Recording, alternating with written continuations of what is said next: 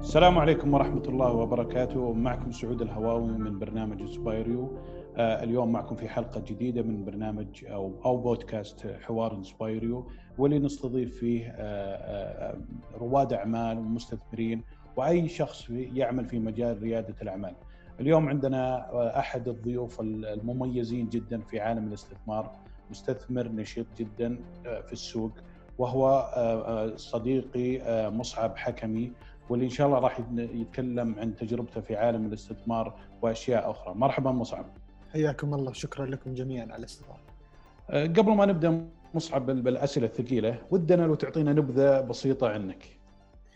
طيب أخوكم مصعب الحكمي متخصص هندسة حاسب آلي في الجامعة ولكن رحلة طويلة جدا قد تكون في ريادة الأعمال وتأسيس الشركات والتخارجات والاستثمار الجريء في الثلاث أربع سنوات الماضية. جميل. طيب مصعب يعني ودنا نبدأ السؤال أو حوارنا من هو المستثمر الجريء أو الفرد؟ متى نعطي هذا اللقب لشخص نقول له خلاص يلا أنت الآن تعتبر من نصنفك إنك مستثمر جريء، هل هذا الشخص اللي فقط يكب فلوس على الستارت أب يعتبر خلاص إنه يستحق هذا اللقب؟ طيب هو فعليا في الأسواق الناضجة تحتاج مجموعة من الأشياء بحيث إنك تقدر تسمى بالمستثمر الملائكي أو المستثمر الفردي أو حتى المستثمر الجريء. ولكن بعض الأسواق لسه نامية جالسة في مرحلة التطور. يعني التصنيفات قد تكون أخف حدة. لهذا السبب مبدئيا الآن في السوق نشوف أي شخص يستثمر في الشركات الناشئة أو الشركات التقنية الناشئة يصنف كمستثمر ملائكي مستثمر فرد أو مستثمر جريء. ولكن فعليا هو لازم يكون الشخص يملك قيمة مضافة يملك خبرة سابقة أو يملك الجرأة الكافية للاستثمار في مجموعة من الشركات الأخرى أو أكثر من شركة وليس استثمار واحد.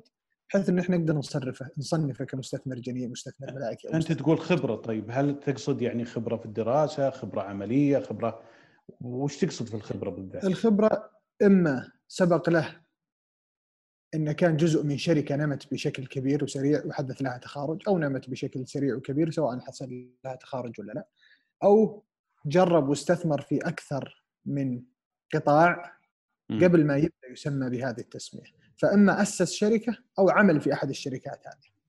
جميل.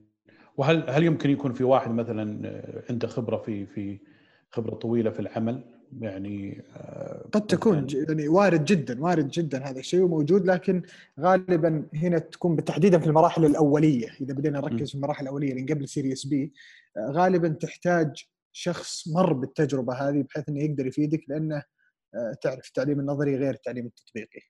صح صح. طيب مصعب الحين انت كنت في المراحل الأولية. تمام؟ صحيح. بس هنا وش المعايير اللي المهمة اللي تبحث عنها؟ عشان تستثمر؟ أنا كمستثمر كمصعب تتكلم ولا؟ إيه آه كمصعب. طيب مصعب يركز عادة على المراحل الأولية في الاستثمار فالفريق الفريق الفريق فوق كل شيء. آه ثلاثة نقاط عادة أنظر لها. 70 80% من تقييمي يكون على الفريق المؤسس للمشروع 15 تقريبا في المية على حجم السوق و5% على الفكرة. الأفكار تتغير وبتغييرها قد يتغير حجم السوق ولكن المؤسسين هم نفسهم. فالاستثمار في المراحل الأولية بشكل كبير يكون في فريق الم... فريق التأسيس أو الفريق المؤسس للمشروع. وطبعا تربطه بخبرة المؤسس هل هو سوى أكثر من startup خبرته العلمية بالضبط. هل سبق لها العمل في شركة في هذا المجال؟ سبق لها العمل في شركة في هذا القطاع اللي هو قطاع ريادة الأعمال. شركة نمت شركة حققت أشياء أو انه شخص فعليا أول تجربة له ولكن يبدو لي يملك خبرة متخصصة في مجال محدد ليس سهل الدخول فيه. جميل جميل. وهل هل يعني في بعض مثلا رواد الأعمال عنده تيم ولكن سوى مثلا two أو three startup ولكن كلها فشلت. هل هذا تعتبر إنه شخص ناضج إنه يمكن على ما يقولون تلقح معه الفكرة الرابعة ويكون يستحق إنه يدخل معه؟ يعتمد بشكل كبير على التجارب السابقة، غالبا الشخص اللي مر بتجربتين أو ثلاثة ما نجحت آه راح يكون عنده استيعاب أكبر للتحديات اللي بتواجهه في المرة اللي بعدها، خلينا نسميها المرة الرابعة، ولكن إذا كان فشل الأول والثاني والثالث بنفس الخطأ معناها غالبا بيكرر نفس الفشل. فغالبا الواحد وده يجلس بشكل أكبر مع الفريق المؤسس ويفهم تجاربه. يتواصل مع الشركات أو الشركاء والأفراد اللي كانوا موجودين معه سابقا بحيث إنه يقدر يسمع من أكثر من جهة. جميل جميل. وأنت في مجالك من ناحية الاستثمار في المشاريع الناشئة هل تتخصص في مجال معين آه، ولا تستثمر في جميع المجالات؟ شخصيا أستثمر في جميع المجالات مع تركيز بسيط بسبب تفضيلي لهذا القطاع اللي هو قطاع التقنيات المالية أو الفنتك.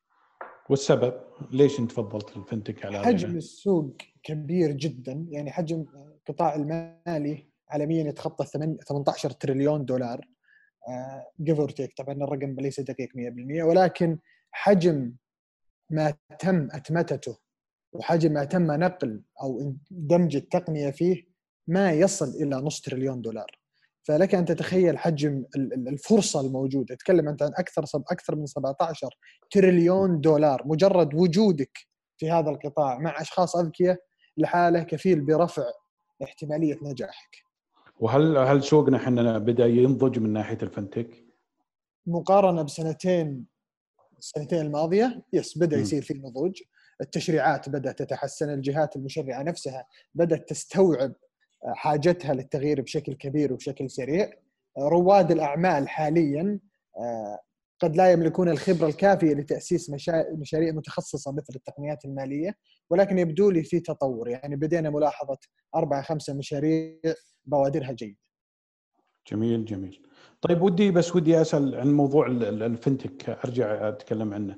هل الفنتك الآن يعني مثل ما تعرف حتى الفنتك له تصنيفات كثيرة، هل تدخل في تصنيف معين؟ هل إنك تقول والله هذا التصنيف أنا قاعد يكبر بالسوق ابغاه أدخل فيه وأخلي التصنيفات الثانية إلى وقت ثاني؟ هو فعليا يعني أعتقد أن السوق إلى الآن أصغر من أن نحن نقدر نصنفه بهالتصنيفات، عالميا ينقسم إلى 11 قسم ولكن يطول الحديث فيه ال 11 قسم ولكن آه، أنا أشوف انه في المنطقة آه، منطقة الشرق الأوسط وتحديدا السعودية آه، مشاريع التقنيات المالية المتخصصة في الإقراض الدين هذه كلها لها فرصة كبيرة جدا ماركت ما حد لمسه إلى الآن أحاول أتفادى شخصيا الاستثمار في شركات في قطاع التمويل الجماعي آه، لأسباب خاصة وأعتقد أن في تحديات أخرى تواجههم بعيدا عن التقنية نفسها. جميل جميل. طيب مصعب تفضل. كيف تلقى رواد الأعمال بشكل عام؟ كيف ألقاهم؟ إيه آه، في طرق تقليدية وطرق غير تقليدية. فالطرق التقليدية هي يعني تعرف المؤتمرات الاجتماعات حلو. منتديات آه، مساعدة الأشخاص. استراحات تجي جمعات استراحات كذا. جمعات استراحات ممكن. بعض الشباب مثل أبو نور اسود ما يقصر بعد الله يعطيه العافية. فالطرق التقليدية عن طريق الأصدقاء عن طريق دائرة الأشخاص اللي حولك اللي عادة إذا عرفوا تركيزك بيقدرون يساعدونك بشكل أكبر للوصول إلى هذه الشريحة. هذه الطريقة خلينا نقول التقليدية اللي الكل يقدر يسويها. الطريقة الاخرى تفضل اي نعم الطريقة الأخرى اللي أنا أستخدمها غالبا online so so, حاولت أركز بشكل كبير على نشر فكرة وجود مستثمر ملائكي مستعد يستثمر معك خلال أقل من 10 أيام خلال أسبوع إذا أوراقك جاهزة وأمورك جاهزة. وهذه غالبا كنت أركز فيها عن طريق تويتر وعن طريق لينكدين. و I think إن كان في تجربة سابقة بنشر إيميل كان اسمه take my money خذ فلوسي. وحطيت الإيميل وصلني فوق 2000 2000 2000 pitch أو 2000 إيميل بالأصح كم نسبة الجدية منها من وجهة نظرك؟ ما بقول جدية خلينا نقول جاهزين اللي كانوا أين. فعليا جاهزين في المراحل الأولية عددهم أقل من 50 واحد من ال 2000 هذول كلهم جزء فوق ال 50 60% منهم كانوا أفكار رغبات م. فهذول ال 50 بعضهم بعض القطاعات ما اهتميت فيها بعض المؤسسين إلى اخره منها المجموع منها ال 50 استثمرت في شركة واحدة. كانت في البحرين. ما شاء الله ما شاء الله. يعني بذ... يعني طريقة نفعت معك بالنهاية إنك حطيت صحيح. ايميل وتغريدة والناس صحيح. بدأت ترسل لك البرزنتيشن صحيح. صحيح. تفضل. عند سعود عنده سؤال. تفضل. آه هو السؤال آه انقسم قسمين أو يعني مفصل شوي. تطلب الاجتماع معه تستثمر معه بشكل مباشر. ولا في أكثر من جلسة تأخذها معه؟ والله هو شطارته على ما قالوا بالعامية لكن أغلبهم يعني ما يحتاجون. إذا فعليا الشخص واضحه له الفكرة وواضح الفريق وواضح التوجه عنده وواضح الأهداف اللي حاطها واضح وش الشيء اللي يحتاجه وناقصه ومعترف فيه ما يتعدى اجتماعين أعتقد لي تجارب سابقة وأحدها على سبيل المثال آه، هكبة أحدها ساري هذه كلها شركات استثمرت فيها في أول اجتماع. أحدهم يعني بعد ما طلعت من الاجتماع وركبت السيارة دقيت عليه قلت له أنا مهتم وهذا المبلغ اللي كتبت الشيك على قولتهم. اي على ما قالوا. ارسل لي إيميلك. وابد خلينا نخلص. طيب هل هل هل كان نقطه معاهم أكثر من جلستين ولكن م. بعض الأحيان إذا ما كان جاهز وكان عندك الرغبة بشكل كبير في هذا القطاع ممكن تسأله بعض الأسئلة ويرجع لك بأجوبتها.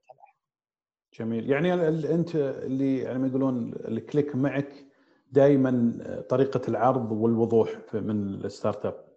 صحيح. فهمهم م. للقطاع طريقة العرض فهمهم للمشاكل اللي هم عندهم. لأن كثير من الأشخاص يجيك يقول لك أنا بحل كل المشاكل.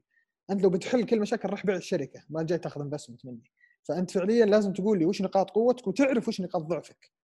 نقاط ضعفك مهم إنك أنت تعرفها لأن هذا معناها إنك فاهم القطاع اللي بتشتغل فيه فاهم التحديات اللي بتواجه وفاهم فلوسك وين بتصرفها ممتاز هل وصلت مرحلة مثلا قابلت واحد شايف شفت التيم ممتازين شفت إن شغلهم ممتاز لكن في مجال غير مهتم فيه هل مثلا قلت لهم يعني تعال روحوا غيروا المشروع أو اشتغلوا على فكرة ثانية أو طلعوا مشروع ثاني وارجعوا لي بما إنك عندك آه، يعني اهتمام كبير في موضوع آه، التيم.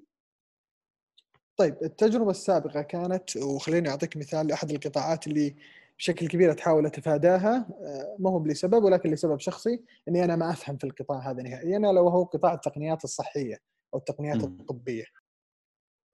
هذا القطاع أنا ما أفهم فيه وأعتقد ان في أشخاص أفضل مني بكثير فيه فأحاول أتفادى الاستثمار فيه في مر علي تجربتين لشركات ممتازة جدا ولكن بحكم عدم فهمي وعدم وجود أشخاص حولي أقدر أستشيرهم في هذا القطاع بشكل كبير آه، كل اللي قدرت أسويه أني أربطهم بمستثمرين آخرين قلت لهم الله يوفقكم أنتم ممتازين جدا ولكن أنا ما عندي الرغبة ولا عندي القدرة أني أنا أستثمر في هذا القطاع فاللي بسويه أني أنا بربطكم بمستثمرين آخرين قد يكون عندهم الاهتمام والرغبة في هذا القطاع. يعني أنت الحين ذكرت نقطة مهمة يعني آه، ودي نسولف فيها اللي هي إنه خل سمعتك زينة حتى عند المستثمرين اللي اللي ما دخلوا معك. لأنه الدائرة قصيرة والمستثمر يقدر يربطك بمستثمرين ثانيين فخل سمعتك زينة، صحيح؟ يعني كلامك على متمه وكلامك صحيح. القطاع هذا تحديدا سوق ناضج أو سوق غير ناضج جالس ينمو في المراحل الأولية آه، مهم جدا جدا جدا العلاقات مع المستثمرين بحكم إن ما في مستثمر بيجي بيغطي لك الجولة الاستثمارية كاملة إلا ما ندر فبتحتاج شخص يساعدك في تغطية الجولة الاستثمارية. هذه أحد القيم المضافة اللي يضيفها المستثمر الفلد فبيجيب مستثمرين آخرين سبق لها الاستثمار معهم. يعتقد انه عندهم قيمة مضافة في هذا القطاع. يعتقد أنهم يملكون الملاءه المالية للاستثمار ويقدرون يساعدونك حتى في المراحل الأخرى والتاليه فهو بيكون كأنه ال chief investment officer وبيروح يجمع لك جولة استثمارية وبيساعدك في الحصول على جولة استثمارية. وسمعتك قد تكون هي أهم شيء في أو أهم نقطة في هذه المرحلة تحديدا. بمعنى خلك صديق الجميع. آه، طيب آه، مصعب موضوع انك بديت خلاص دخلت مع ال startup وين دورك بخلاف الموضوع القيمة المالية؟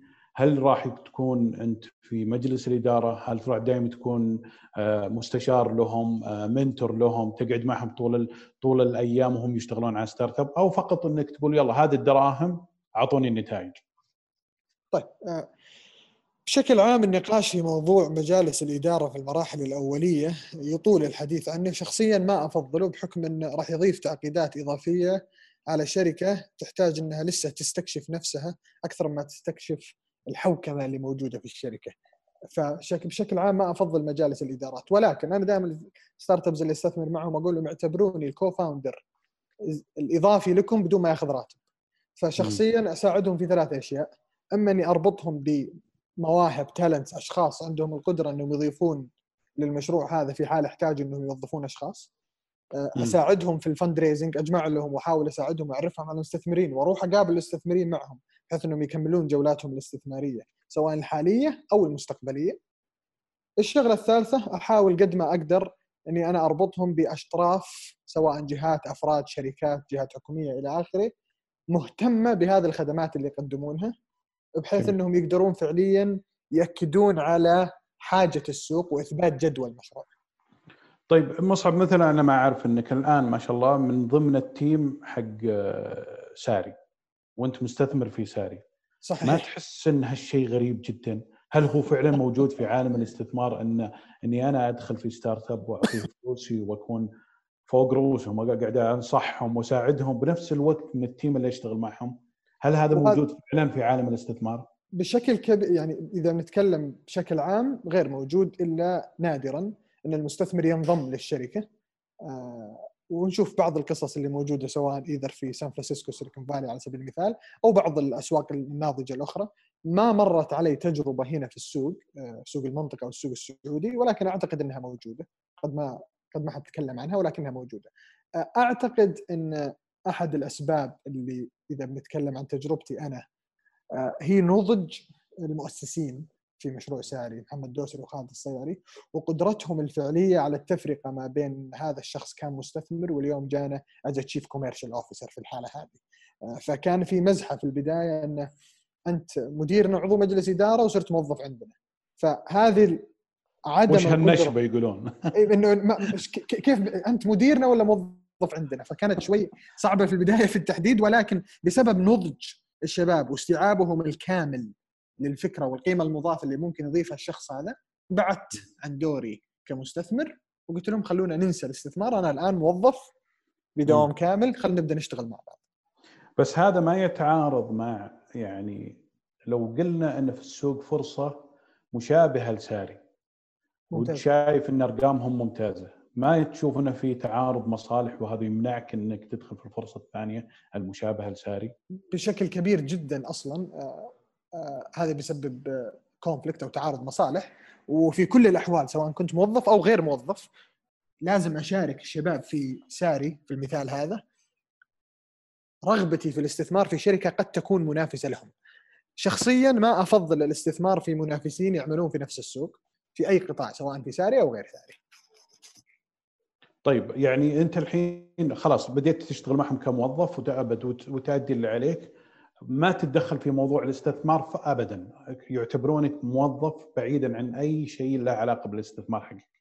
بعيدا عن يعني الرول أو ال- ال- الوظيفة اللي موجود فيها اللي جزء كبير منها يتقاطع مع جمع الجولات الاستثمارية. وأعتقد إن هذه أحد الأشياء اللي قد تكون أضافت قيمة عند الشباب بحكم إنه مستثمر صار يساعدهم يجمع استثمارات.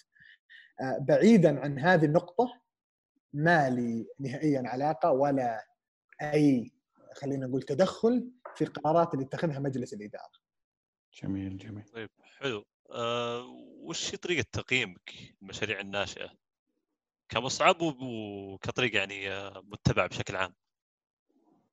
في أكثر من طريقة المتبعة ولكن إذا ب... يعني كل ما نضجت الشركة كل ما كان أسهل أو أقرب للواقع تقييمها ولكن إذا إحنا نتكلم في المراحل الأولية أعتقد إن في رينج محدد أو في خلينا نقول مدى محدد لتقييم الشركات بناء على هل هم أول ناس في السوق، خبرة المؤسسين الموجودين عندهم، حجم القطاع، سهولة دخول منافس في هذا القطاع، آه، قدرة الأفراد الموجودين في هذا السوق على فهم هذا القطاع بشكل كبير. فعلى سبيل المثال لو جاء أنا خلينا نستخدم مثال في الشركات التقليدية لو جاء واحد قال لك أنا بسوي مطعم شاورما.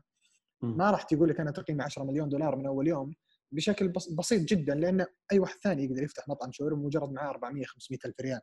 ما في تحديات. ولكن وش هي الخنادق الدفاعية اللي يملكها هذا الفريق أو هذا المشروع اللي تساعد على رفع التقييم؟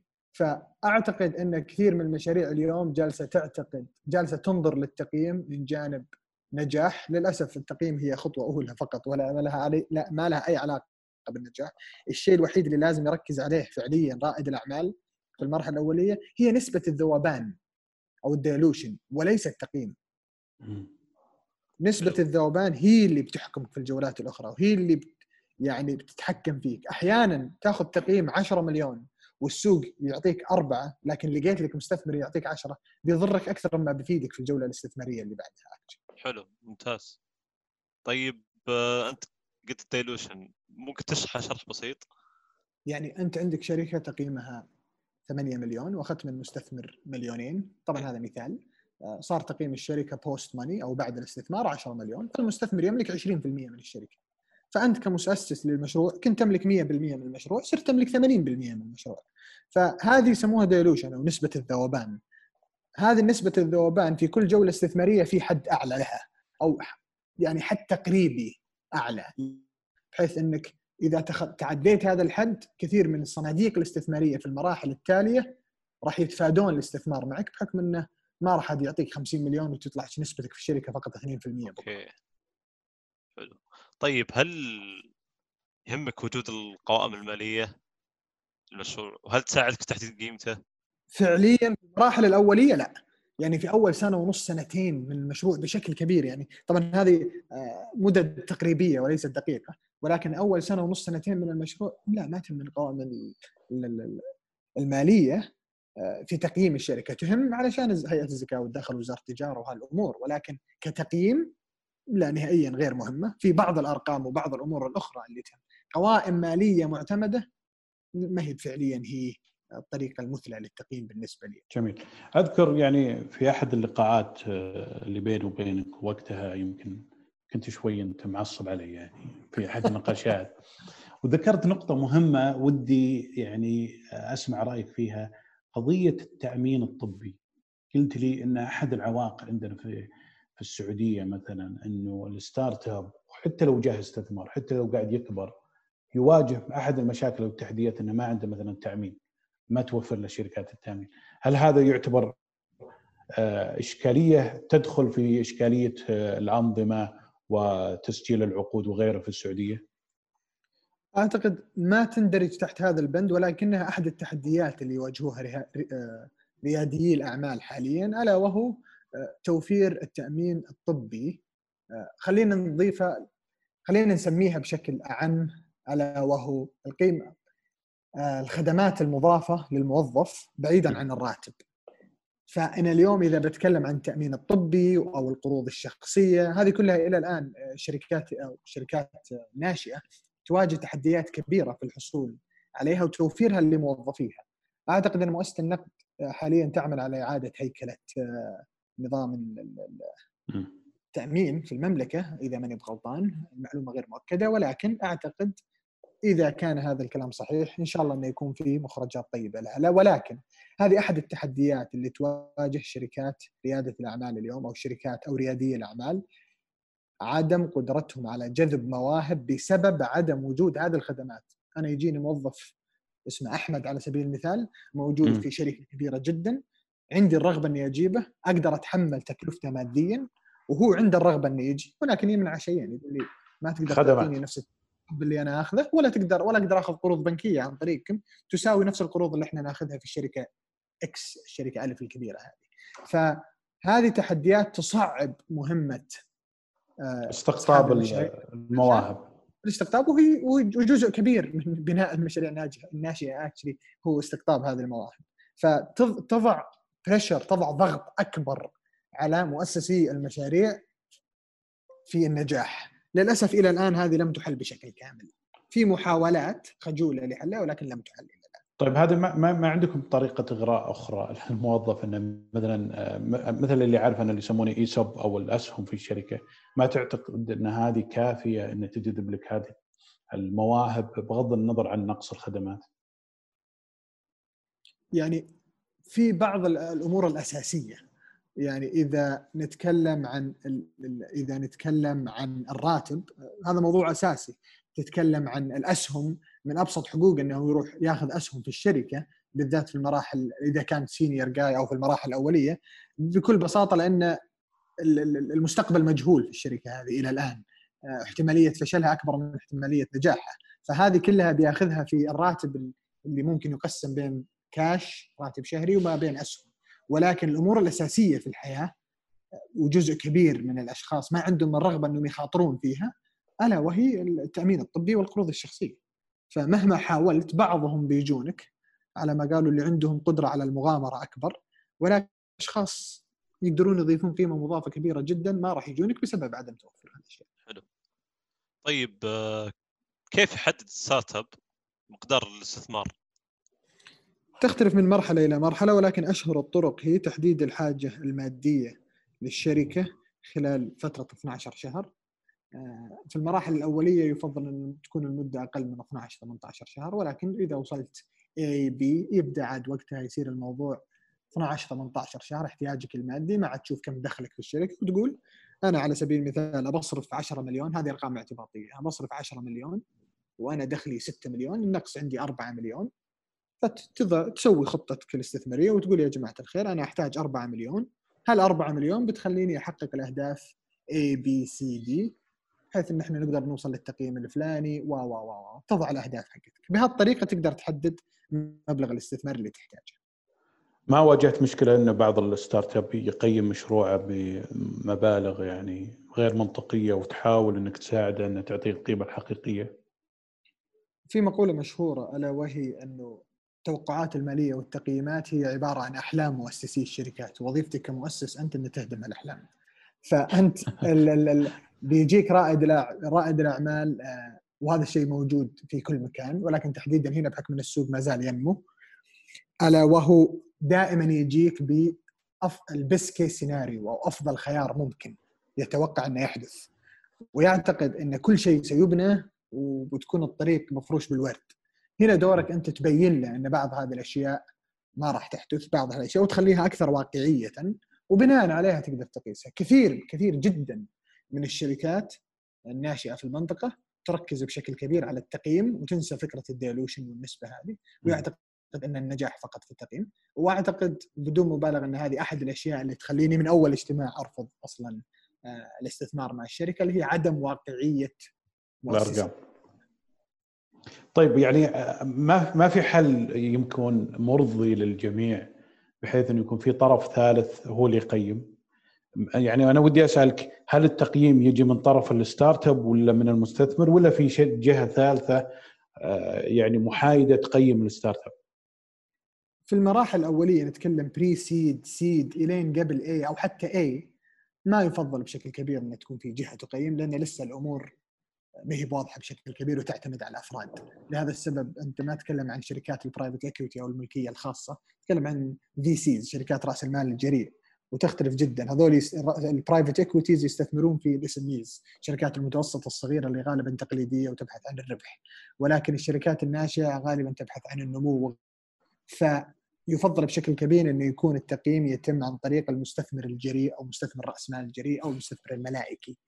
آه، أنا أفضل بشكل كبير جدا أن الشركة الناشئة تجيني وتكون في حاطة رينج للتقييم. على سبيل المثال يقول لك من أربعة إلى ستة مليون ويكون نيغوشبل وإذا أنا قلت لهم لا ترى التقييم أنا من وجهة نظري ثلاثة يبدون يقنعوني ليش ثلاثة واقنعنا ليش ثلاثة. فالموضوع بشكل عام قابل للنقاش. آه، أفضل أنا في المراحل الأولية إلين A الشركة الناشئة تحط هالحد تحط هالحد والمستثمر الجريء إما يرد بتقييم آخر أو أو إنه حتى يناقش التقييم الموجود طيب في نقطة مهمة يمكن ما ذكرناها مع الموضوع بداية الاستثمار هل المستثمر يقدر يتدخل أو يساعد ال startup في تحديد وين راح تصرف هذه الأموال؟ يمكن بعض ال startup يقول لك okay أنا باخذ منك مليون ريال ابى اصرفها 90% على التوظيف. يمكن تقول لي أنت من وجهة نظرك تقول لي لا أنا أبغى أصرفها على ال marketing. هل في آلية أنكم تتفقون وين راح تصرف هذه الفلوس؟ طبعا هي ما راح تقدر تسوي ال deployment ما راح تدفع إلا لما تكون مقتنع وين الفلوس بتصرف. آه، هذه يمكن من أهم النقاط اللي تحدد المبلغ فعليا لأنه بيجي يقول لك على كثير من الأشخاص يقعون في الغلطة اللي ابى اصرف 60 70% على التسويق. تعال أنا هذه فلوس بتروح وش يضمن لي إنها فعليا بيتم استغلالها بشكل دقيق ف أو بشكل صحيح. فغالبا المستثمرين الأفراد والملائكيين أو شركات رأس مال الجريء في المراحل الأولية تدخل بشكل كبير في تفصيل وين المبلغ بيصرف وتساعده في تحديد المصارف الصحيحة له. كل ما تأخرت الجولات الاستثمارية وصارت B C D يصير الموضوع ما راح أساعدك ابى استفسر منك ليش حاطها هنا وبقيم فعليا رغبتي في الاستثمار أحد أهم الأمور اللي اقيم فيها رغبتي في الاستثمار من عدمه هي تحديدك وتقسيمك للمبالغ. وهذه يدخل فيها مجلس الإدارة بالتصويت ولا لا إذا في المراحل ال A وال B؟ مو مجلس الاداره تعرض من المؤسسين آه، جهز خطة وتعرض على مجلس الإدارة في حينها وتقول ترى إحنا رايحين في الطريق هذا وهذه أهدافنا فيصير دورهم كأنه مجلس استشاري أكثر من أنه مجلس يوافق أو يرفض على توزيع المصاريف. جميل جميل. طيب خلينا نرجع لنقطة يمكن يعني ودنا نسولف عنها شوي. أنت يا مصعب هل تستثمر في فقط في الخليج ولا أو المنطقة أو أنك تستثمر في أي مكان في العالم؟ لا أنا حاليا الحمد لله رب العالمين 30 شركة تقنية ناشئة 30 startup موجودين موزعين ما بين المملكة العربية السعودية بين الإمارات بين البحرين. آه، بعضهم في الهند بعضهم في بريطانيا بعضهم في مجموعة كبيرة منهم في أمريكا. ف أنا بالنسبة لي market سوق ممتاز مؤسسين ممتازين ما يهمنا المنطقة الجغرافية الموجودين فيها. جميل جميل. وهل تعتبر دائما هل في منافسة بين المستثمرين؟ أو أنكم تتعاونون دائما بحيث أنكم تدخلون جولات مع بعض أو أنكم في سرية في بعض المعلومات عن ال startup؟ بحيث إنك تقول والله خلني أسبق مصعب أستثمر مع هذا ال startup قبل ما يدخل ويحوسنا. شوف بداية يعني في الفترة أو في السنوات الماضية ما كانت المنافسة عالية جدا كانت خفيفة بشكل كبير ولكن وجود منافسة بين المستثمرين دليل على بداية نضج السوق. وحاليا صح. بدأت تظهر المنافسة آه بدأت تظهر المنافسة على مستويات كبيرة سواء المراحل الأولية أو المراحل المتوسطة أو حتى المراحل المتأخرة. بدأت حاليا المنافسة فيها نتعاون في بعض الديلز هي منافسة على ما قالوا تجارية واستثمارية فقط وليس منافسة شخصية ففي بعض بعض بعض المشاريع نحدد من الأطراف اللي نعتقد إنهم يقدرون يضيفون قيمة مضافة فيها. جميل جميل، طيب أنت الحين ما شاء الله دخلت مثل ما قلت ب 30 شركة. متى عندك الوقت اللي تتابعها؟ هل أنت مثلا لازم تستلم تقرير من كل ستارت أب آه، شهريا أو اسبوعيا أو كل ربع سنة هل لازم تتابع كل شغله هال 30 startup؟ طيب في مرحلة ال pre-seed seed عادة أحاول إني أجلس معهم مرة في الشهر. م. في نهاية الشهر أجلس معهم عشان نشوف وش الأخطاء اللي صارت وكيف نقدر نحسنها. قد ما أقدر إني أضيف أي قيمة مضافة فعليا على الشركة ولكن إذا قدرت أحاول. بعدين الجزء الآخر اللي هي الشركات اللي تعدت ال seed وال pre-seed ووصلت MVP هذه الشركات مرة كل ثلاثة شهور. لأن صار عندهم أصلا حوكمة أكبر ووضوح أكبر مستثمرين أصلا أكبر مجلس إدارة أوسع وعنده خبرات أكثر. أه، دائما يعني الشركات إلى نعم. ثلاث تقسيمات تسمح لي هنا. شركات أه، لسه في مرحلة ما بعد اكتشفوا نفسهم. شركات اكتشفت نفسها وتحتاج شوية مساعدة بحيث إنها تدخل في مرحلة النمو الكبير. وشركات خلاص اوريدي دخلت مراحل النمو الكبير وفعليا كل اللي تحتاجه جلسة في ثلاثة شهور. أه، سؤالي مصحب ما تعتقد إنه الاحتفال بإنك حصلت على استثمار يعتبر مبالغ فيه؟ يعني أذكر واحد من الزملاء يقول إنه اذا لا يعني إن جاك مستثمر يعني إنك قاعد حققت قصة نجاح. لازم ما تحتفل بشكل كبير. أوكي تقدر تطلع للإعلام إني حصلت استثمار لكن هذا ليس النجاح هذا فقط مساعدة لك. وش رأيك بهالكلام؟ أتفق إلى حد ما مع الفكرة، الناس تعتقد إن الهدف هو الجولات الاستثمارية، وأعتقد هذا اللي كان يذكره الأخ اللي ذكرت اسمه سابقا، إلا وهو فكرة إنه لا تحتفل كأنك أنجزت إنجاز كبير جدا وحققت أهدافك مجرد بحصولك على الاستثمار، حصولك على الاستثمار هو إثبات إن هذا المشروع فيه فرصة للنجاح ولا يدل على إنه نجح. المستثمر ما حط فلوس معك عشان يقول لك إيه تراك نجحت. حط فلوس معك علشان يجيب أضعاف مضاعفة لهذا المبلغ مما لا يعني إنك لسه ما بعد نجحت في طريقك إلى النجاح. هي محطة أولية وليست محطة نهائية. جميل ولكن جميل. يفرق نوع, نوع المستثمرين. أعتقد انه إذا جوك على سبيل المثال جاك Sequoia واستثمر معك وأنت ما سبق لأحد استثمر في على سبيل المثال في منطقة معينة Sequoia فأنا أعتقد إنه إلى يحق لك تحتفل أكثر من غيرك بحكم إنك صح قدرت تقنع أحد أكبر شركات الاستثمار في العالم على سبيل المثال Sequoia اللي ذكرناه هنا إنهم يستثمرون معك ولكن نرجع لنفس الفكرة هذا لا يعني إنك حققت هدفك هي مجرد مرحلة. أه، بصراحة الحلقة ممتعة يعني أنا وسعود مستمتعين بالسواليف معك يا مصعب وأتوقع لو نكمل ما راح نخلص أبد. الله يسعدك. آه يعني كانت الحلقة جدا ممتعة وتعرفنا على أشياء كثيرة منك. سؤالي الأخير آه مصعب وش النصائح اللي تقدمها للستارت أب اللي يبغى يدور استثمار؟ عطني يعني على ما يقولون ثلاث أربع نصائح بشكل سريع للرواد الأعمال. يعني إذا بقول خليك واقعي، خليك واقعي في طلباتك، خليك واقعي في رؤيتك للسوق، لا تعتقد إن الحياة وردية، سو أكثر من سيناريو، سيناريو الجيد، سيناريو الضعيف، وسيناريو ممتاز جدا. لا تروح للمستثمر وانت جايب أفضل سيناريو في الحياة لأن فعليا الحياة ما تمشي بهالطريقة. قد تكون هذه النصيحة الأولى. النصيحة الثانية كلنا ودنا يجي مستثمر ويعطينا 5 6 مليون تكفينا سنتين قدام. لكن مستثمر راح يعطي 5 6 مليون إذا ما شاف بوادر.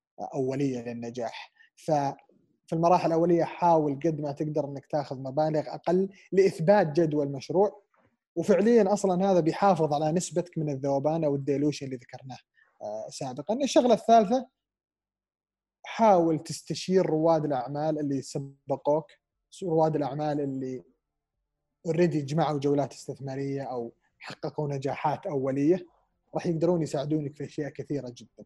الله يعطيك العافية مصعب، بصراحه حديث ممتع جدا جدا جدا وإن شاء الله تكون الحلقة مفيدة للمستمعين. آه، شكرا لك مصعب، شكرا زميلي سعود الجويعي اللي اللي ساعدني في إدارة الحوار. إن شاء الله نلتقيكم في حلقة آه، قادمة بإذن الله. آه، إذا وصلتكم الحلقة شاركوها مع أصدقائكم. خلي الناس تستفيد من اللي ذكره مصعب. شكرا مصعب. شكرا سعود. والله يعطيكم العافية. يعطيك العافية. شكرا. يعطيك العافية. شكرا. you